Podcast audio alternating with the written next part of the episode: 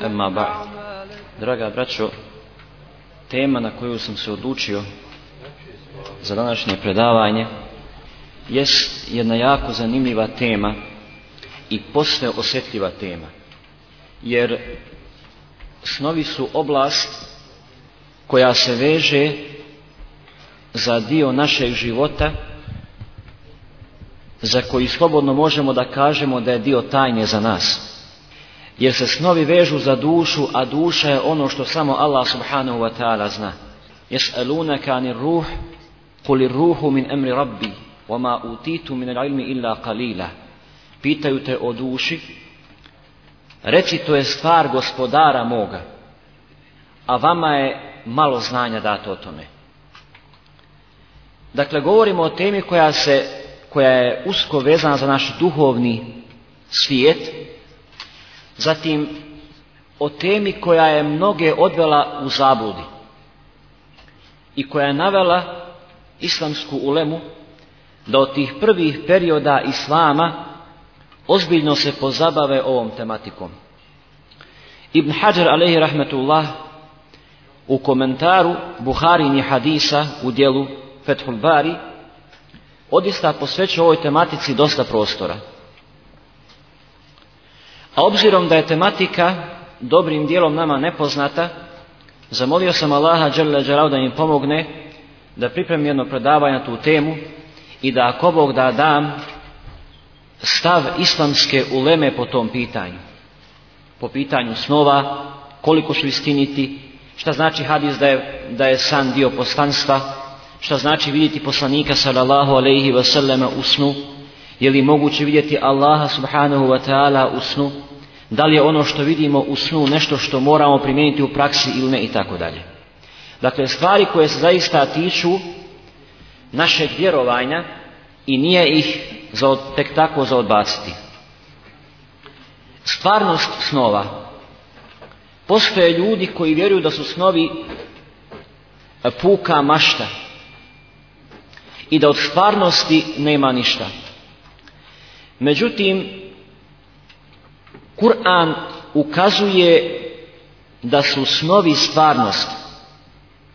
I kada govori o Jusufu alaihi selam, na samom početku sure Jusuf, kaže Đelle Đelaluhu, وَكَذَلِكَ يَجْتَبِيكَ رَبُّكَ min مِنْ تَأْوِيلِ الْأَحَادِيثِ Također, tvoj gospodar te izabire o Jusufe i podučavate komentaru snova podučavate ilu.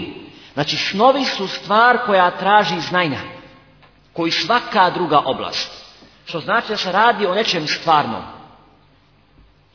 I snovi kao takvi dolaze i u mnogim kuranskim ajetima. A o hadisima poslanika sallallahu alaihi wasallam da ne govorimo.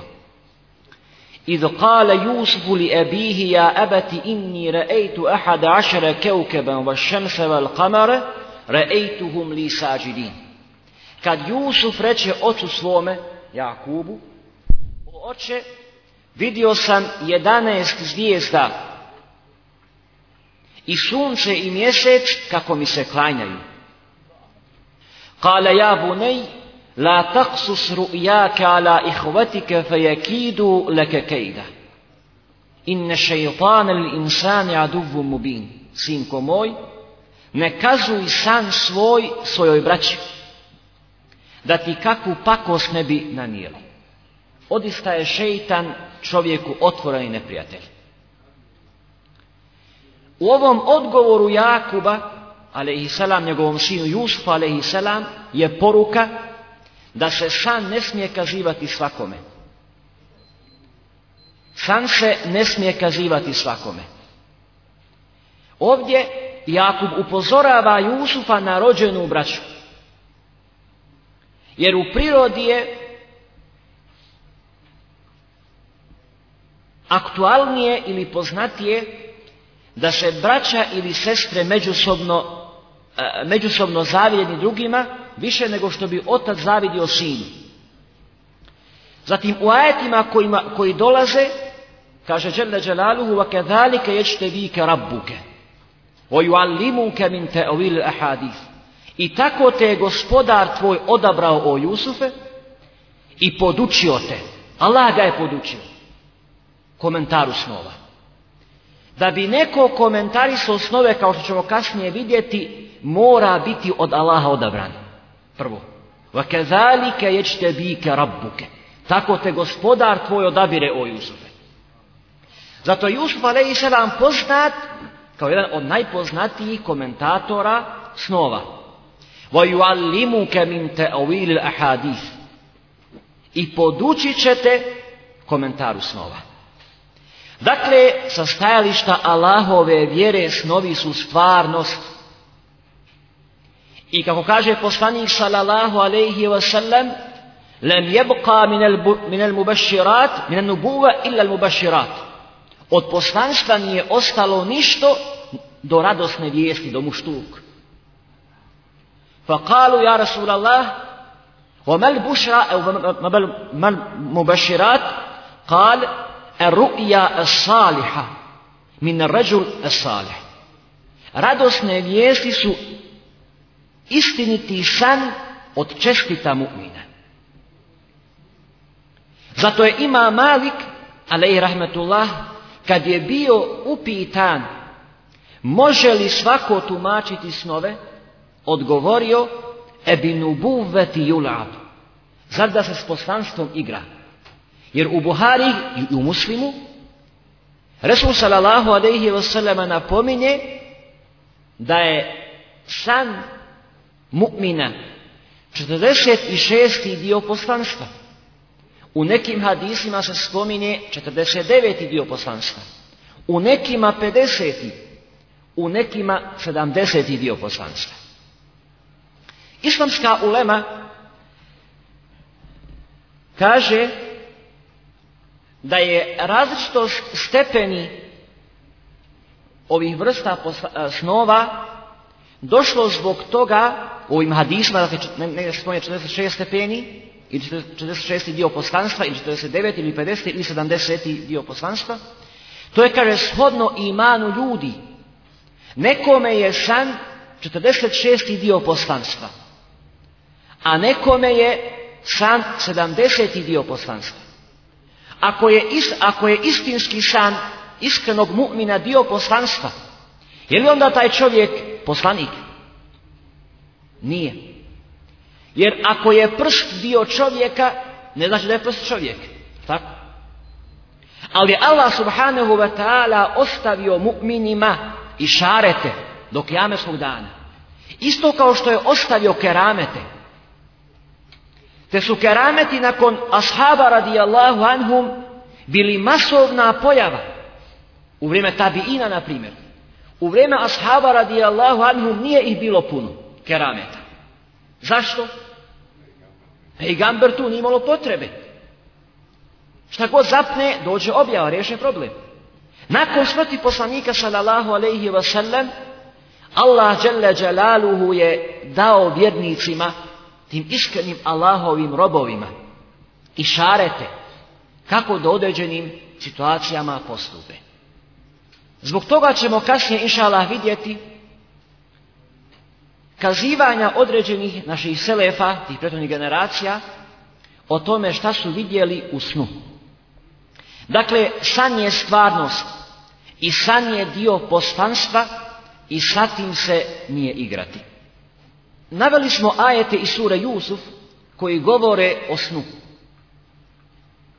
Allah dželle govori i o poslanikovim svojima u Kur'anu. Zatim govori o snovima Ibrahima a.s.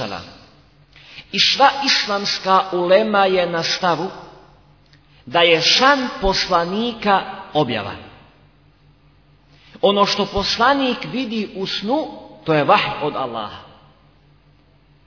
I kako bilježi imam Buhari, prvo što je poslaniku sallallahu alaihi wasallame dolazilo od objave, bio je san. A u suri Safat Govoreći o Ibrahimu a.s.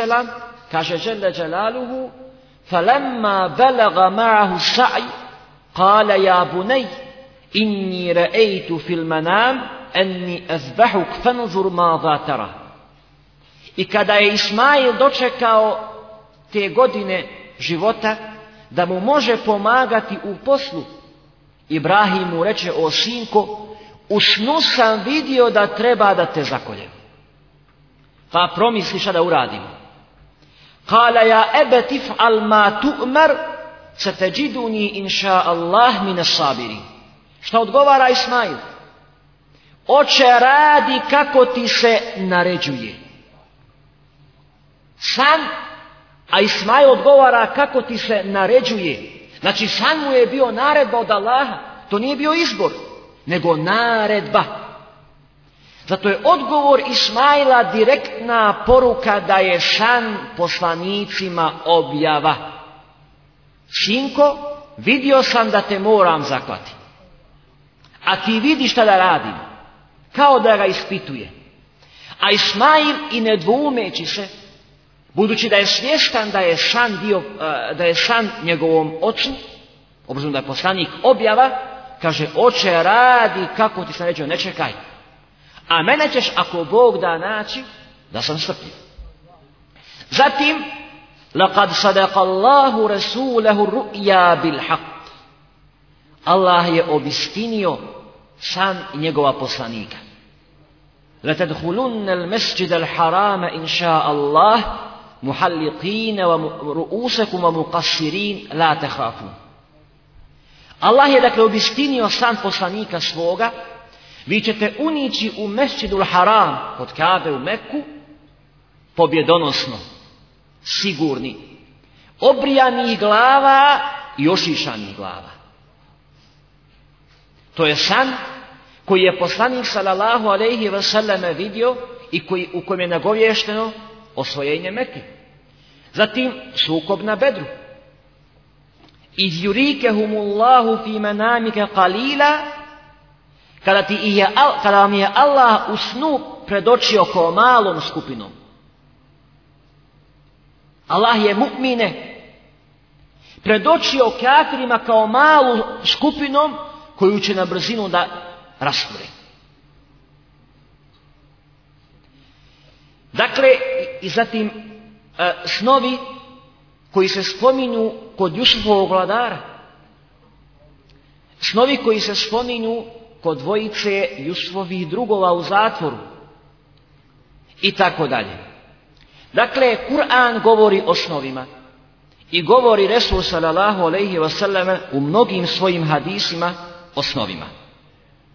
Pojasnili smo različite predaje u kojima se spominje da je san dio poslanstva. Dakle, shodno jačini imana, san ima svoju stepenicu. Neko je jačeg imana, kod njega je to jači dio poslanstva. Neko je slabijeg imana, kod njega je to, kod njega je to slabije. Sljedeća tačka, podjela snova. Prema hadisu poslanika sallallahu alaihi sallam, snovi se dijele na tri kategorije. Snovi od Allaha, hadis bilježe i Buhari i Muslim, snovi od Allaha, snovi od šeitana i snovi koji su sugestija. Hadisu nefs. Ono što čovjek sebi konstantno ponavlja i umišlja, dođe mu da vidi u snu. Pa fantaziraš o džennetu, fantaziraš o poslaniku, salallahu alaihi wasallame, a mu'min si, ako Bog da, doće nekad u snu. Dakle, snova shodno hadisu kog bilježe i Buhari i muslima ima tri kategorije. San koji je od Allaha. To je san iskrenog mukmina. I to je taj san koji je dio poslanstva. Zatim san koji je od šeitana. To je kad se čovjek oda grijehu. I san koji je sugestija. Može li kafir vidjeti, vidjeti i činiti san? Može. Ko je bio Jusufov vladar? Kafir. Šta je vidio? Sedam krava debelih. Pojede i sedam mršavi.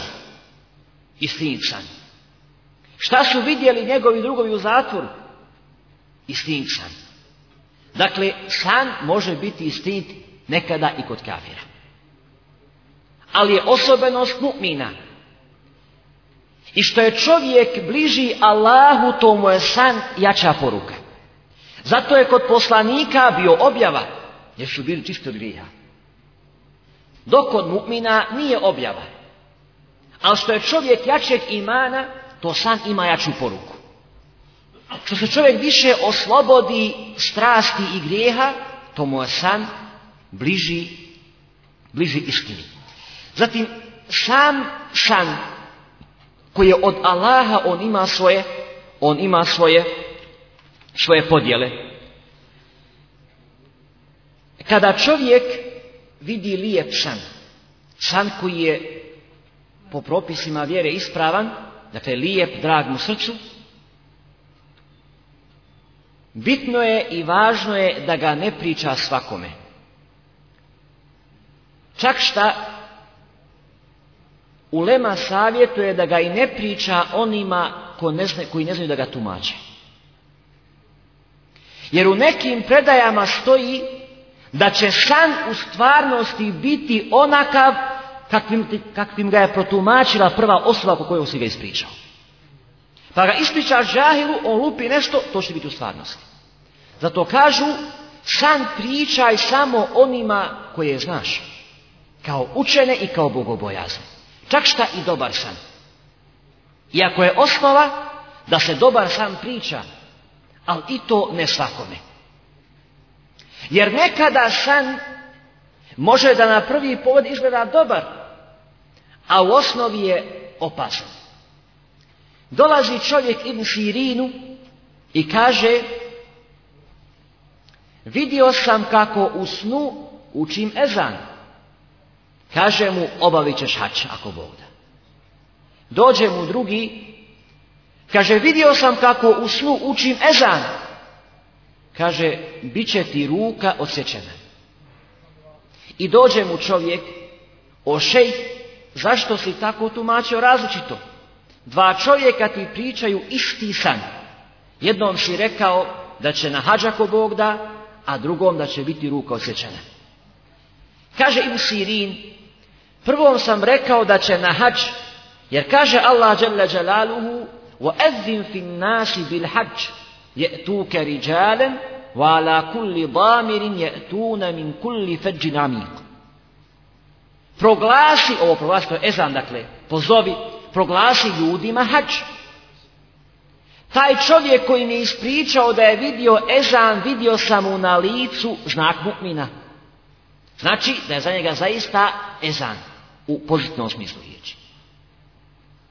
A drugi koji mi je ispričao san, vidio sam na njemu na licu loš znak. Allah subhanahu wa ta'ala kaže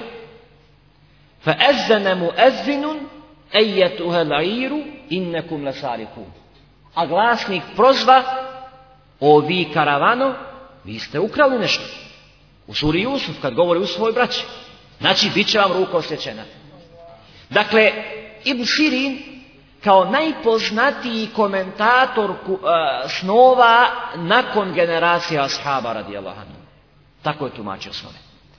Znači, šan ne može tumačiti svaku, Već onaj kog je Allah odabrao, koji je učen i koji je dakle bogobojačan. Zato se i lijep san ne smije svakome pričati.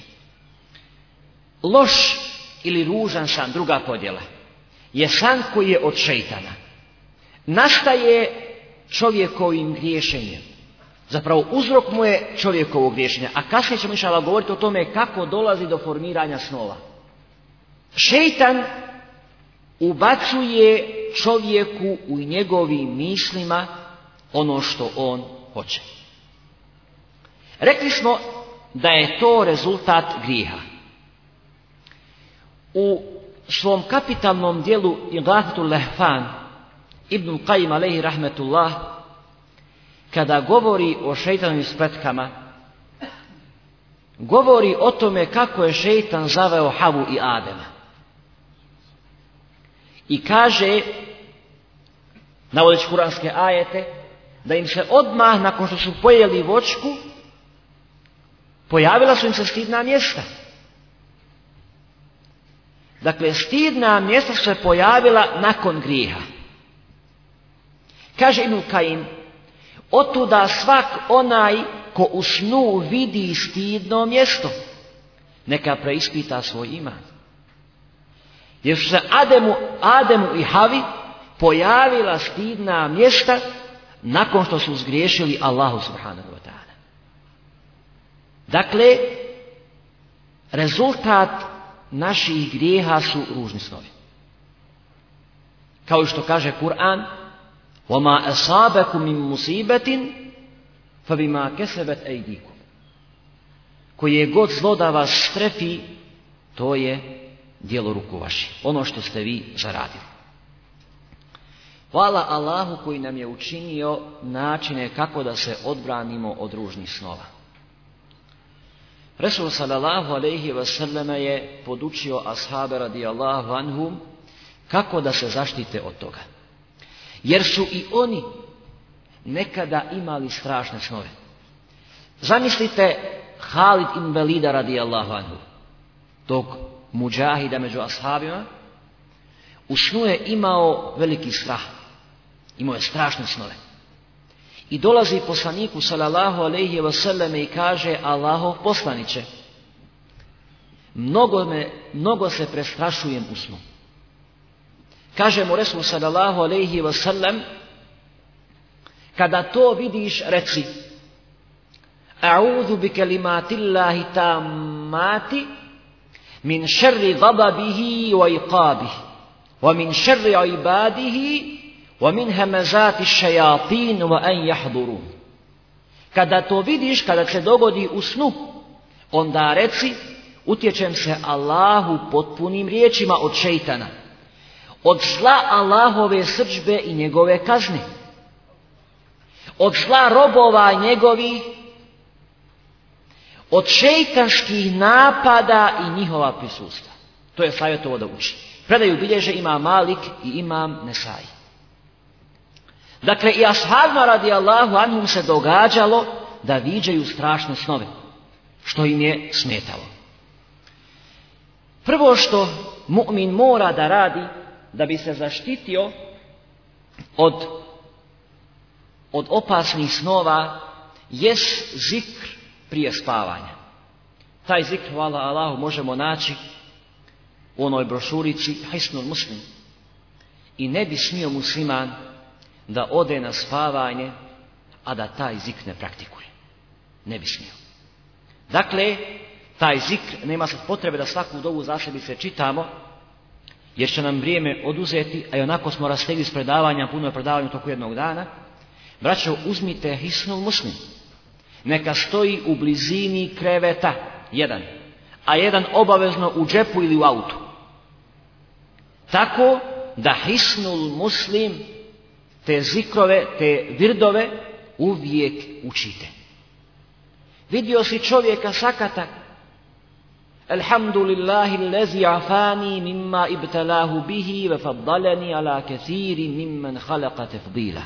Hvala Allahu koji me zaštiti od onoga čime je njega iskušao. I počastio me je mnogim počastima nad njegovim stvorenjima. Tako i ove dove. Prije spavanja zikr, jako bitan da se čovjek zaštiti od šeitanovog napada. Zatim, čitanje Kur'ana. Nema muslimana bez čitanja Kur'ana. Nema. Pogotovo nema daje bez čitanja Kur'ana. Kako će neko biti daija, a ne čita Kur'an? Kako će neko biti pravi musliman, a ne čita Allahov govor. Što više čitamo Allahov govor, to je srce čišće. I to je šeitanu suženiji put. A Allahov govor se ne čita bez abdesta, jel tako? Osim na pamet. Ne čita se. Po privativije više islamske uleme, bez abdesta nije dobro čitati Kur'an. A abdest kad se uzme, peremo svoje tijelo. A kad završimo s abdestom, učimo šta? šehadet i šta još? Allahu međalni min at-tawabin wa dž'alni min al Ja Rabbi, daj da budemo od onih koji se mnogo kaju, to je duhovna čistoća. I od onih koji se mnogo peru, to je tjelesna čistoća. Kaže Ibn Kajim, kad čovjek ispuni ova dva uvjeta, duhovnu i tjelesnu čistoću, onda stupa na namaz pred gospodarem. Bez toga nema namaza. Nema ga. Ne može da ga bude. Zbog toga mi švrljamo u namazu kad smo svugdje stignemo, samo ne pred Allahom subhanahu wa ta'ala. Zašto? Ne postižemo ova dva uvjeta. Otuda jutros kad je šeji Muhammed pereć, da ga Allah nagradi, govorio o onim ušima i onom pranju abdeskih dijelova tijela. Subhanallah, naši stari su govorili uzimajte abdest hladnom vodom, je tako? Sjećate se i toga? Stara ulema, stari su govorili, abde hladnom vodom. A u tome velika pouka. Od ova koja, koje se uče na početku namaza, koja je doba? Sedbenici sunneta. Od ova koje se uče nakon i hram, koja je doba? Subhanak, ima li još koja? Ima. Ko voli sunnet, neka nauči sve. Pa nekad ovu, nekad ovu, neka čita. Od ova koji je poslanik sallallahu alejhi ve selleme učio na početku namaza, malo ćemo sudaljimo o teme, jest Allahumma ba'id bejni wa bejne hatajaj kama ba'adte bejne al mashriqi wal maghrib. Allahumma naqqini min al khataya kama, naqajte, kama, kama yunaqa thawbu al abjabu min al danas. A drugim predajama kama naqajte thawbu al abjaba min al danas. Allahumma gsilni min al khataya bil i salji U prijevodu ja rabbi udalji me od grijeha kao što si udalio istok i zapad. Ja rabbi očisti me od grijeha kao što se bijela odjeća čisti od praštine, bijela odjeća. Ja rabbi operi me, operi me od grijeha vodom, snijegom i ledom. Pogledajte ovo, vodom, snijegom i ledom. U drugoj predaji hladnom vodom. Kaže Ibnu Kajim, rahmetullahi Alehi, pitao sam šejhul Islama. U čemu je mudrost Allahova? Normalno, kažem, Allahova mudrost je resursan Allahu ve Veselama ne govori po hiru svome. Ovu dovu to je Allahov, Allahov adanuć. Nije to njegov izum poslanikov, to je od Allaha. Jer poslanik sallallahu alaihi ne govori po hiru svome. Zašto je u ovoj dovi precizirao, specijalizirao hladnu vodu, led i snijeg za pranje, kad se zna da se prljavština pere toplom vodom puno lakše nego hladno. Zašto? Kaže islamim Islam Tejmija, ne rahmetullah, to zbog toga što su grijesi produkt šeitanovih napada. Čovjek čini grijehe onda kada se zagrije, kada u njemu uzavrije krv. A zna se da se toplota ublažava hladnim, nečim hladnim. Otuda čovjek kad uzima abdes hladnom vodom, on donekle sputava svoju strast. Zato je tuširati se hladnom vodom i abdest se hladnom vodom pogotovo mladim ljudima u ljetnijem periodu jako zdravo. Upamte to. Šamci i šamice, neoženjeni i neudate, hudovci i hudovice, pušćenci i pušćenice, zapamte ovo. Jer hladna voda gasi vatru. A šta je straš do vatre? straška kad se raspansa, to je vatra. Zato poslanik sallallahu alejhi ve selleme kad naređuje ashabima radijallahu anhum da uzimaju abdes nakon što jedu uh, kamilje meso, devlje meso, kaže islamska ulema, mogući razlog toga je što je i deva stvorena kao i šeitan od iste materije, od vatre. A kad čovjek pojede devlje meso, poprima osobine mesa kog jede. To je dokazano medicinski. Jedeš svinsko meso, dobijaš osobine svinje ako puno jedeš. Jedeš kravlje meso, dobijaš ta svojstva.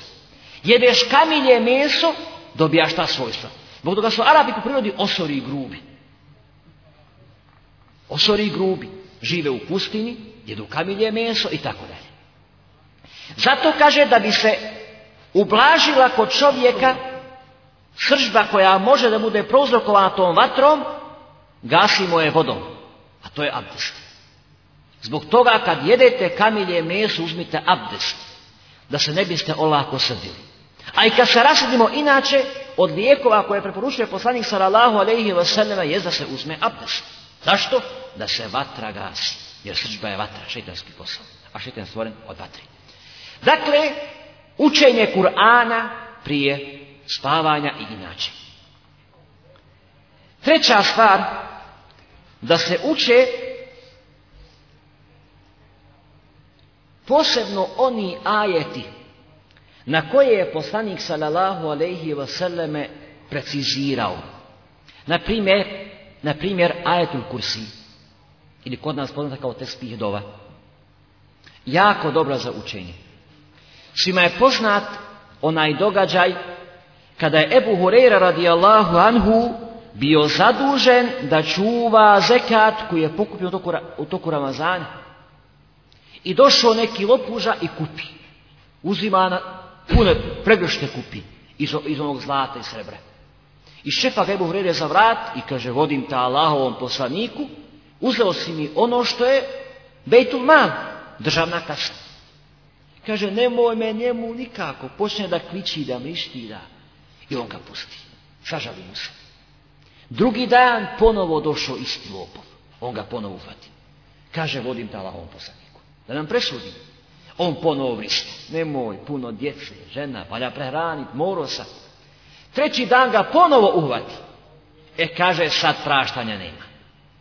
Kaže, pusti me, podučit ću te nečemu, što ako ga budeš učio prije spavanja, neće ti ništa naškoditi. Kaže, može. I onda ga poduči ajatul kursi. I dolazi Ebu Hureyra radi Allahu anhu poslaniku sallallahu alaihi sallam i ispriča mu taj događaj. I kaže poslanik sallallahu alaihi sallam dobro te je naučio. A znaš li ko je bio? Kaže ne znam. To je šeitan. On ti je istinu rekao, ali inače je veliki lažov. A tu ti istinu rekao. I zaista je testidova jako dobra za zaštitu od ružnih snova. Zatim, da čovjek uči sve one zikrove koje poslanik sallallahu alaihi wasallam spominje ne samo prije spavanja, nego inače u toku dana i večerni zikr. Razlika je između večernjeg zikra i zikra prije spavanja. Pa bi mu'min trebao da praktikuje i jedno i drugo.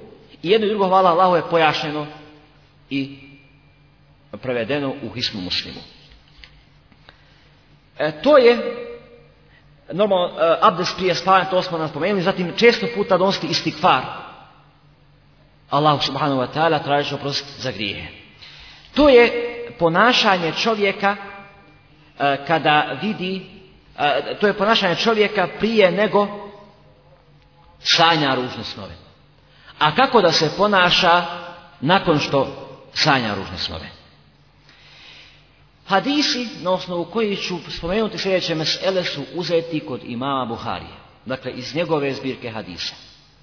Imate, hvala Allahu, zbirku prevedenu i svako može u kitabu Ta'abir, dakle knjiga o tumačenju snova, može ove hadise inša Allah naći. Prvo, nakon što čovjek sanja ružan san, mora da donese euzu da zatraži od, Allah, Allaha subhanahu wa ta'ala utočište kod Allaha subhanahu wa utočište od pokretog šeitana. I to je shodno hadisima poslanika sallallahu alaihi wa Zatim, da ispljune tri puta na lijevu stranu kao što je to jutro pojasnio šej Mohamed.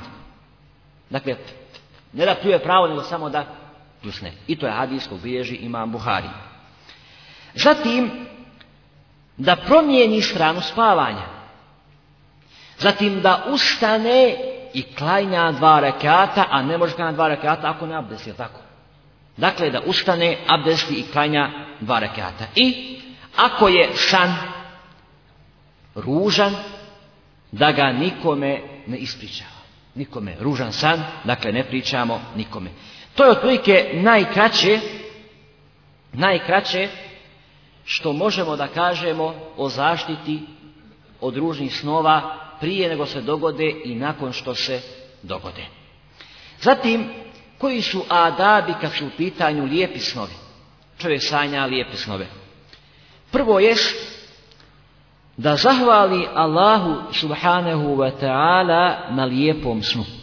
Sodno hadis bilježi ima muslim gdje kaže poslanik sallallahu alaihi sallame, onaj ko vidi lijep san neka zahvali Allahu i neka ispriča.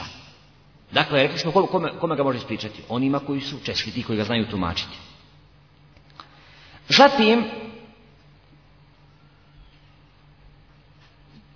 da nakon što zahvali Allahu subhanahu wa ta'ala bude obradovan time i da san ispriča onima koje voli.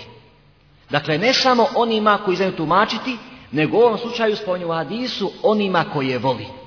Dakle, onima koji mu neće zaviditi na tome. A to uzimamo iz ajeta iz sure Jusuf kada je Jakub savjetovao svom sinu a, e, Jusufu da ne priča san svojoj braći kako mu ne bi kako pakost nanijeli. Zatim, lijepo je da san koji, koji je usnio, a a ružan je, a, lijep je, da taj san bude protumačen samo na hajr. Jer kao što smo rekli, obično onaj ko prvi protumači san, se na to i dogodi. Resul sallallahu alaihi wasallam je podučavao ashabe radijallahu anhum da kad neko ispriča ružan san, da kaže hajren تلقاه وشرا تتوقاه خير لنا وشر لأعدائنا to je hajr kog ćeš sresti a zlo kog se moraš kloniti to je hajr koji je za nas a zlo koje je za naše neprijatelje dakle iako ružan san čovjek slučajno ispriča mora se potomačiti na lijepo da se ne bi ostvarila ona poruka da, ako se, da se san, ako se protumači na zlo, tako će i biti, tako će se i dogoditi. Zatim, dolazimo polako ili se primičemo polako meseli viđanje poslanika sallallahu alaihi wasallam u snu. A prije toga pojasnit ćemo ukratko ukratko a, koji je uvjete čovjek mora posjedovati kod sebe da bi mogao da vidi istinite snove. Kao prvo, da bude od onih koji su pokorni Allahu subhanahu wa ta'ala. Da konstantno čini zikr. Da ne zašti prije nego dobro ne oblaži jezik spominjanjem Allaha subhanahu wa ta'ala što je san bliži zori, to je bliži istini. Što je san bliži zori, to je bliži istini. Zbog čega? Navodi se od ashaba radijallahu anhu, kao što ćemo kasnije vidjeti, da čovjek kad zaspi, i ovo je pojašnjenje kako dolazi do, do formiranja snova, čovjek kad zaspi, duša ide nebesima. Čovjek kad zaspi. Ona duša koja dođe do arša i koja je čišta. Dozvolio je se da padne na sečdu. Ta duša koja je došla do arša, ako je gore što vidjela, to je istina. Duša koja je nečista, ili kako kaže e, Ibn Mas'ud radijalanu, ili je džunup, takvoj se duši ne dozvoljava sežda kod arša. I takva se duša vraća zemlji prije Arša. Prije nego što dođe do Arša. U toku njenog povratka sreće je šeitan. I onda i nabuba ovo, nabuba ono i to je laž. Dakle, lažan san dolazi onda kada duša ne bude prihvaćana na A to je duša džunupa, čovjek koji je džunup, koji je nečist, ili duša griješnika. U povratku nakon što bude vraćena od Arša, u povratku šeitan je predusreće i baja joj svoju priču. To je lažan san. A ona koja je došla do, do, do Arša i tamo ako je što vidjela, to je znak da je san istinit. Dakle, da skratimo svoj sklonova koji može biti e, istinski san ili istiniti san. To je onaj ko živi praktični islam, čisto iskreno. Da skratimo dakle. Koji zaista praktikuje u svom životu sve ono što traže od njega Allah i poslanik sallallahu alejhi ve Da skratimo da ne bismo duljili. Dakle, kako nastaju snovi? To smo ukratko pojasnili, ali ovdje još ostaje jedna jako zanimljiva predaja koju koja se veže za Omara radijallahu anhu i Aliju radijallahu anhu. Naime, Salim ibn Abdullah prenosi od svoga oca, a koji je njegov otac? Abdullah. A to je, Abdullah je sin Omara radijallahu anhu, jer je Salim poznati fekih iz generacije tabiina koji je bio unuk Omara radijallahu anhu. On prenosi da je Omer radijallahu anhu sreo Aliju radijallahu anhu i kaže o oče Hasanov Nekada smo mi bili prisutni kod poslanika sallallahu alejhi ve selleme, a ti odsutan. Nekada smo mi bili odsutni, a ti prisutan. Želim te pitati tri pitanja. Još najniha odgovor našao nisam. I kaže Alija radijalanu, ko sve što je bio ali učenjak, fekih, ashaba, radijalanu, kaže pitaj sine Hatabov. Objašni mi šta je to čovjek voli čovjeka, a nikad od njega hajra vidio nije. A čovjek mrzi čovjeka, nikad od njega zla vidio nije. Šta je to? Je ovo poznato? Čuo si za Alima u, u Iraku, u Saudijskoj Arabiji, u Sarajevu, voliš ga. Nikad ga vidio nisi. Nikad njegov vers čuo nisi. Nikako hajra od njega vidio nisi, ali čuo za njega, drag. Čuo si za Salahudina Jubiju, drag. Čuo si za Hitlera, mrziš ga. Čuo si za ovoga, za onoga, mrziš ga. Zašto nikad od njega zlo vidio nisi? Kaže Alija radijallahu anhu, Čuo sam poslanika sallallahu alejhi ve selleme gdje kaže: Odišta su duše vojske regrutirane, vojske srodne. Sreću se u zraku i mirišu se međusobno. U predaji kod Abdullaha i Mesuda stoji mirišu se kao što se kojni njuše kad se sretnu. Tako se mirišu te duše. Pa koje se, nađu srod, koje se nađu srodne, one se zbliže. A koje se nađu su različite, one se rasture. E to je to. Kaže Omer radijallahu anhu, prvu, dobro, to je prva, idemo drugu. Druga stvar, čovjek priča neki govor. U toku tog svog kazivanja dođe mu i zaboravi određeni dio. Malo nakon toga ponovo se sjeti. Šta je tu? Imao ga prije 15 minuta to znanje, sad ga nema. Nikomu nije kazao, ponovo došlo. Ti pripremaš se ovaj za, za namaz, nešto ti palo na pamet, ali ne znaš tačno šta je, tražiš nešto. Dođe ono Allahu Ekber, šeki dođe u snu, u, u namazu i kaže to je tu i tu. Ili pričaš ljudima neki ders. Dođe vrijeme da citiraš ajet, nikoga ga sjetiš, a znaš ajet. Učiš u namazu ti. Nakon toga ajete koje znaš. Danas, juče, prekjuče, prije deset dana učio si sve išlo kako treba. Večeras na akšamu zgriješiš. Sutra na sabahu iste ajete ponovo i znaš, nisi uopšte ponavio u Kur'anu. Šta je to? Kaže Alija radijallahu anhu, Čuo sam poslanika sallallahu alejhi ve da srce ima oblake kao što ih ima mjesec. Kada oblaci prekriju mjesec, pomrači se. Tako i oblaci srce. Kada prekriju srce, čovjek zaboravi. Gubi pamćenje. Kad se sklone, ono se vraća. To je, kaže, druga. Daj treću Treća je, kaže, šta je to čovjek vidi snove? Neki su istina, neki su laž. Kaže Alija radijallahu anhu, kada se čovjek zadubi u san, nekad ovo prikujem kad se zadubi, duša napušta tijelo i ide prema aršu. Ide prema aršu, zato ona koja se ne probudi prije arša, to je ona koja je vidjela istin san. I to ono što prije pojasnili, to je čista duša.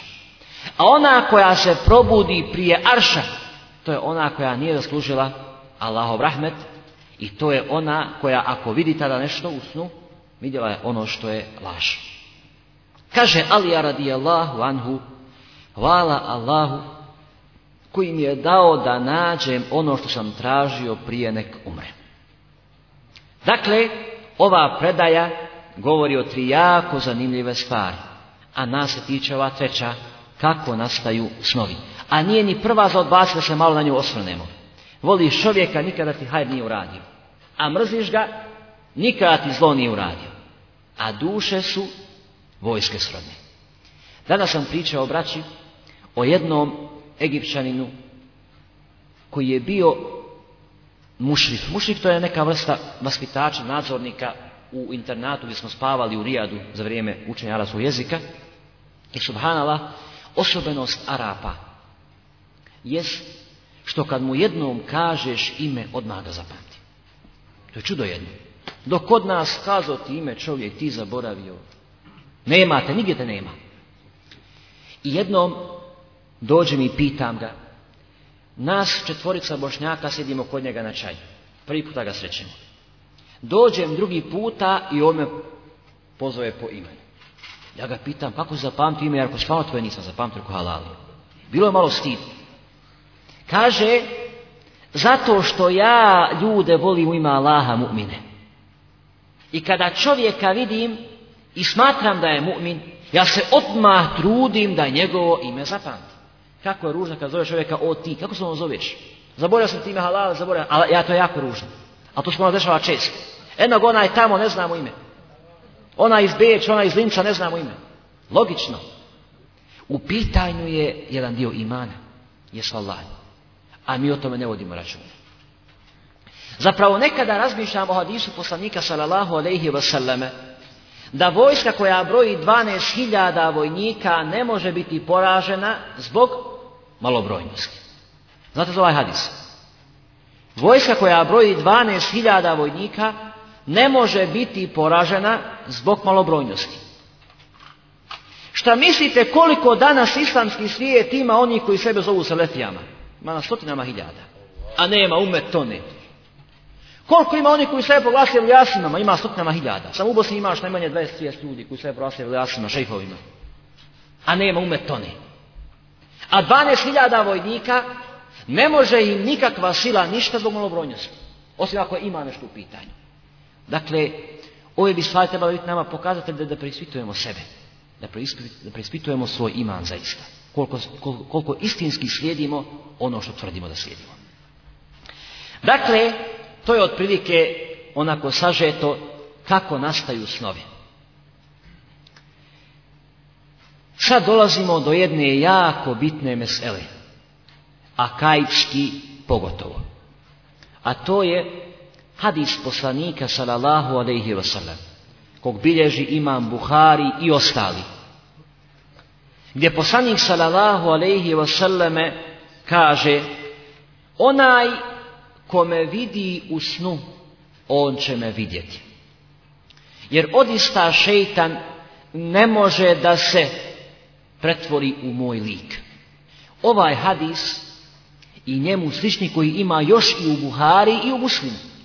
bio je razlog da određene skupine ljudi konstantno raspravljaju o tome da li zaista čovjek ako vidi poslanika sallallahu alejhi ve u snu da će ga vidjeti na javi na primjer u 21. vijeku Bošnjo vidio poslanika sallallahu ve selleme u snu ili šejtana, šta mislite? Kada bi kod došao čovjek i rekao vidio sam poslanika sallallahu ve selleme u snu, šta smo govorili? Opiši nam ga. Neki su tražili, reci nam koliko je sjedi i dlaka imao na svojoj glavi. Ako promaši, kaže, lažeš, nisi ga vidio. Dakle, uvjet da neko vidi poslanika sallallahu u snu jest da bude opisan onim svojstvima koje, koja se spominju u vjerodostojnim predajama o njemu. Kome vidi u snu, vidjet će me na javi. Hadis poslanika sallallahu Ili već me je vidio. Zanimljivo je da imam sujuti, tako veliki imam i poznati ali kaže onaj koga vidi u snu, vidjet će ga i na javi na ovom svijetu. Kaže Ibn Hajar, to ispade da će ashaba biti dok je dan. Svaka generacija ima svoje ashabe. Jer koga vidi u snu, a još ga vidi na javi, gotovo je, postoje ashabe. Si vidio poslanika, ti se ashabe, tako, na javi. Dok u snu nije. Međutim, Ibn Hajar u Fethul Bari u svom dijelu navodi nekoliko poznatih mišljenja islamske uleme na što se odnosi taj hadis. Naravno, hadisa je dosta koji govore po istoj tematici. I kaže da neka ulema smatra da se to odnosi na generaciju ashaba radijallahu anhum koji su živjeli u vrijeme poslanika sallallahu alejhi ve normalno ne može biti ashab ako nije živio u njegovo vrijeme, i koji su bili u Meki kad je on bio u Medini. Naravno prije nakon Hudejbijskog sporazuma mnogo je ljudi prihvatalo islam u Mekke.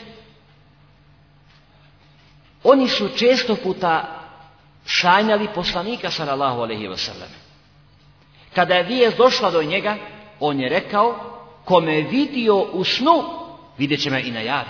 Dakle, doću u Medini ako Bog da. To je jedno tumačenje. Drugo tumačenje, kome je vidio u snu, Vidjet će me sigurno u džennetu ako Bog da. Dakle, bit će dženetlija. Treće tumačenje, kome vidi u snu, tome i šaret da radi hajr. Da radi hajr. Dakle, e, mnogo opcija u švatanju ovog hadisa. Nijedna ne potvrđuje ono što su određeni krugovi uleme, pogotovo među sufijama, uzeli kao dio svoje akide, da može poslanika sallallahu alaihi veseleme vidjeti na javi nakon njegove smrti. Što je teško prihvatljivo, jer je Resul sallallahu alaihi veseleme umro. Dakle, jedina mogućnost ostaje san, da se poslanik sallallahu alaihi veseleme vidi u snu. Sljedeća mesela, čovjek vidio poslanika sallallahu alaihi selleme u snu.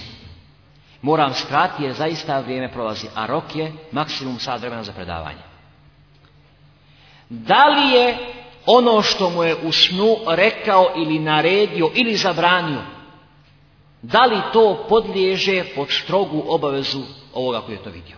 Na primjer, Vidio si poslanika sallallahu ve selleme u snu i kaže moraš klanjati pet namaza. Ili moraš klanjati šest namaza. Dakle, da li ono što vidimo u snu i što nam kaže poslanik sallallahu ve selleme u snu ili neko drugi, ne mora biti poslanik, da li je to obavezujuće za nas?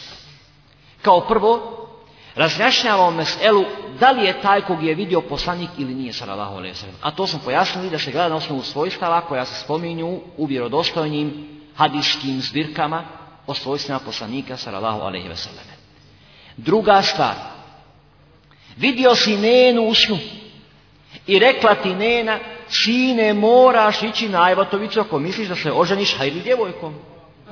I ti dođeš Efendi i kažeš Efendi, ja moram ja to izvršiti mjerilo je i to je saglasnost sve islamske uleme.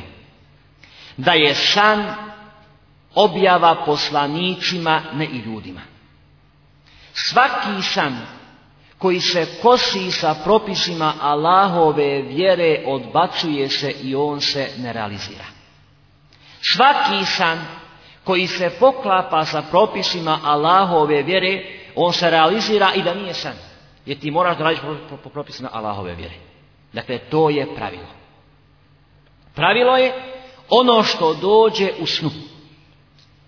Ma ko ti rekao, ma ko ti kazao, vraćaš ga na vagu Allahovih obznanjenih propisa Kur'anom i sunnetom. Ako se podudara sa tim, nema zapreke da izvršiš. Jer to moraš i bez sada izvršiš. Ako se ne podudara, to se odbacuje. Pretpostavimo da poslanik sallallahu alejhi ve selleme kako neki tvrde pojavi im se u snu i kaže čovjeku uradi to, to i to. Dodaj još jedan namaz viška. je šest namaza dnevno. Neprihvatljivo je jer je Allah subhanahu wa ta'ala već objavio da je islam upotpunjen. Da je savršen. El jeume ekmeltu lekum dinekum. Danas sam vam vjeru svoju usavršio. Ekmeltu usavršio, ne upotpunio, usavršio. A blagodat upotpunio. Dakle, vjera je završena. Vjera je upotpunjena. Postala je savršena. Ništa i se više ne može dok jame svog dana ni oduzeti ni dodati. Zato je nemoguće da poslanik sallallahu alejhi ve selleme dođe u snu i kaže nešto što je suprotno sa onim što je odradio u toku života. Znači, taj koji ti je to rekao, a ti tvrdiš da je poslanik, nije poslanik. Znači, to je lik šeitana. Jer nemoguće da je to poslanik. Nemoguće da je poslanik sallallahu alejhi ve sallam govori nešto što je suprotno propisima Allahove vjere. U suprotnom, ako otvorimo vrata toj mogućnosti onda ispade da propisima Allahove vjere do svog dana nema kraja.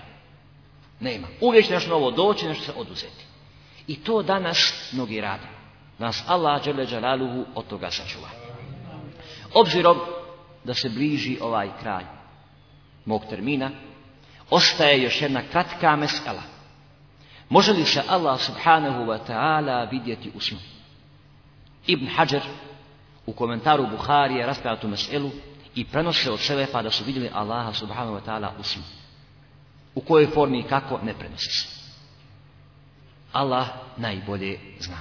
Dakle, u snu se prenosi, čak što sam čuo, jer sam pročitao da ga je Imam Ahmed vidio sto puta u snu. Ali rahmetullah. Kako i koja forma ne prenosi se. Zaboravio sam još napomenuti neke snove koje su vidjeli prvi od tih generacija Selefa. Kaže Ebu Bek Ahmed ibn Muhammed ibn Hadžađ Čuo sam čovjeka iz Tarsusa kako priča nakon što je Ahmed ibn Hanbel umro zamolio sam Allaha subhanahu wa ta'ala da mi da znak u snu da vidim gdje je završio i molio sam ga molio i tek nakon deset godina od prve one dove u snu su mi došli stanovnici Kaburova i pitaju me jesi li ti Ahmed ovaj koji je to, eh, koji je to sanjao rekao jesam jesi li ti onaj koji je molio Allaha da mu usnu pokaže gdje je Ahmed jesam od onog trenutka kad vas je Ahmed napustio Meleki ga non stop okružuju svojim krilima u hladu drveta tuba, koje je dženevsko stablo. U drugoj predaji, onaj koji je bio uzročnik Ahmedu da bude izudaran od, od halife, kaže, vidio sam Ahmeda u snu. I pitam ga, Ahmede, gdje si? Kaže, u džennetu. Ahmede, šta je sa onim bičevanjem čim sam ja uzrok? je to mi samo povećava deređe u džennetu. Ništa drugo. Viđen je Muad ibn džeber Jedan ga je vidio u snu. Spominje se ime, nema vremena da se vraćam na imena. I kaže, vidio sam Muaza na jako lijepom konju. Kad za njim ide grupa na jako lijepim konjima. Pitam ga, o Muaze, kako ti je? a on reče kamo sreće kad bi moja familija znala kako me Allah subhanahu wa ta'ala počestio. Prenosi Ibn Kajim u svom dijelu ruh duša. Kazivanje jednog momka koji kaže bio sam od onih koji je puno psovao Aliju radijallahu anhu. Kad snu dođe mi čovjek lijepe pojave i pita me jesi li ti onaj koji me psuje? rekao a jesi li ti Alija? Reče, jesam. U tom trenutku me udario po licu, Kad sam se probudio, našao sam pola lica totalno crnim. I zakleo sam se Allahu da neću ostavi čovjeka kog sretnem, a da mu neću ovo ispričati. Ibn Kajim bilježi i drugi slučaj. Isti slučaj bilježi od čovjeka čije lice totalno izobličeno, a bio poznat da psuje Ebu Bekra i Umara radi Allahu I kaže, došlo mi je u snu da će me nešto strepiti, kaže on. Te sam sam vidio. Kad sam se probudio, našao sam svoj lik totalno izobličen. Ne bi u koži šijama. Ha? Da Allah subhanahu wa ta'ala nas sačuva fitneta iskušenja i da ako Bog da budemo od onih čiji će snovi biti iskreni. I da budemo od onih koji će sanjati pobjedonosne snove ako Bog da. I da završim s hadisom poslanika sallallahu alaihi sallam. Kaže Resul sallallahu ve sellem ko bilježi imam Buhari od Ibn Abbas radijallahu anhuma Men tahallama bi hulmin lam yarahu kulli fa an ya'quda bejne sha'iratayn wa lan yaf'al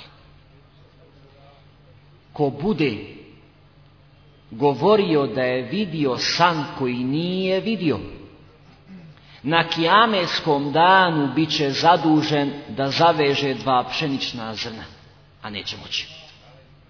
U drugoj predaji bit će zadužen da zaveže dva kraja jednog pšeničnog zrna. Neće moći. Meni stema ila hadithi qavmin vahum lehu karihu eu jefirune minhu subbe fi aniku l'aniku jevmel Ko bude prisluškivao govor nekih ljudi, a oni ga prežiru da to čuje od njih ili bježe od njega. Takvom će se na kijameskom danu u uši sipati istopljeno olovo.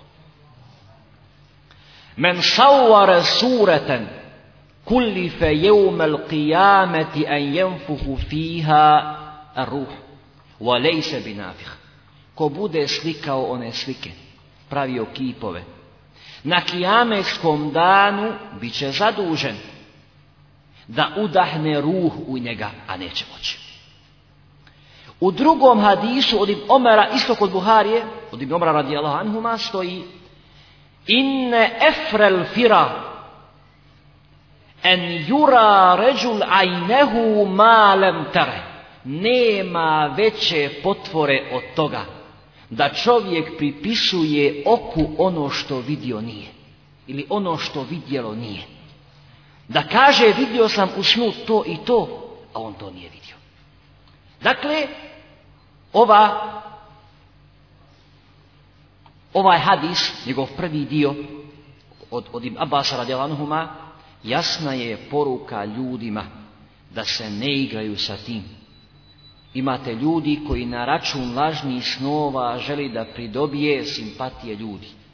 Pogotovo ako kaže sanjao sam poslanika sallallahu Sanjao sam da će za pet godina Bosna biti islamska država, pobjedit ćemo Srbe i Hrvate, rastrojit ćemo sve, bit ćemo hilafet. Sanjao sam ovo, sanjao sam ono. Dakle, teško onome ko laže osnovima. Naša posljedna dova je, neka je hvala Allahu, dželja dželalu gospodaru svih svjetova, a molim ga subhanahu wa ta'ala da sam makar dio ove mesele uspio dočeti braći sestrama i zakonu hajra. Assalamu alaikum wa rahmatullahi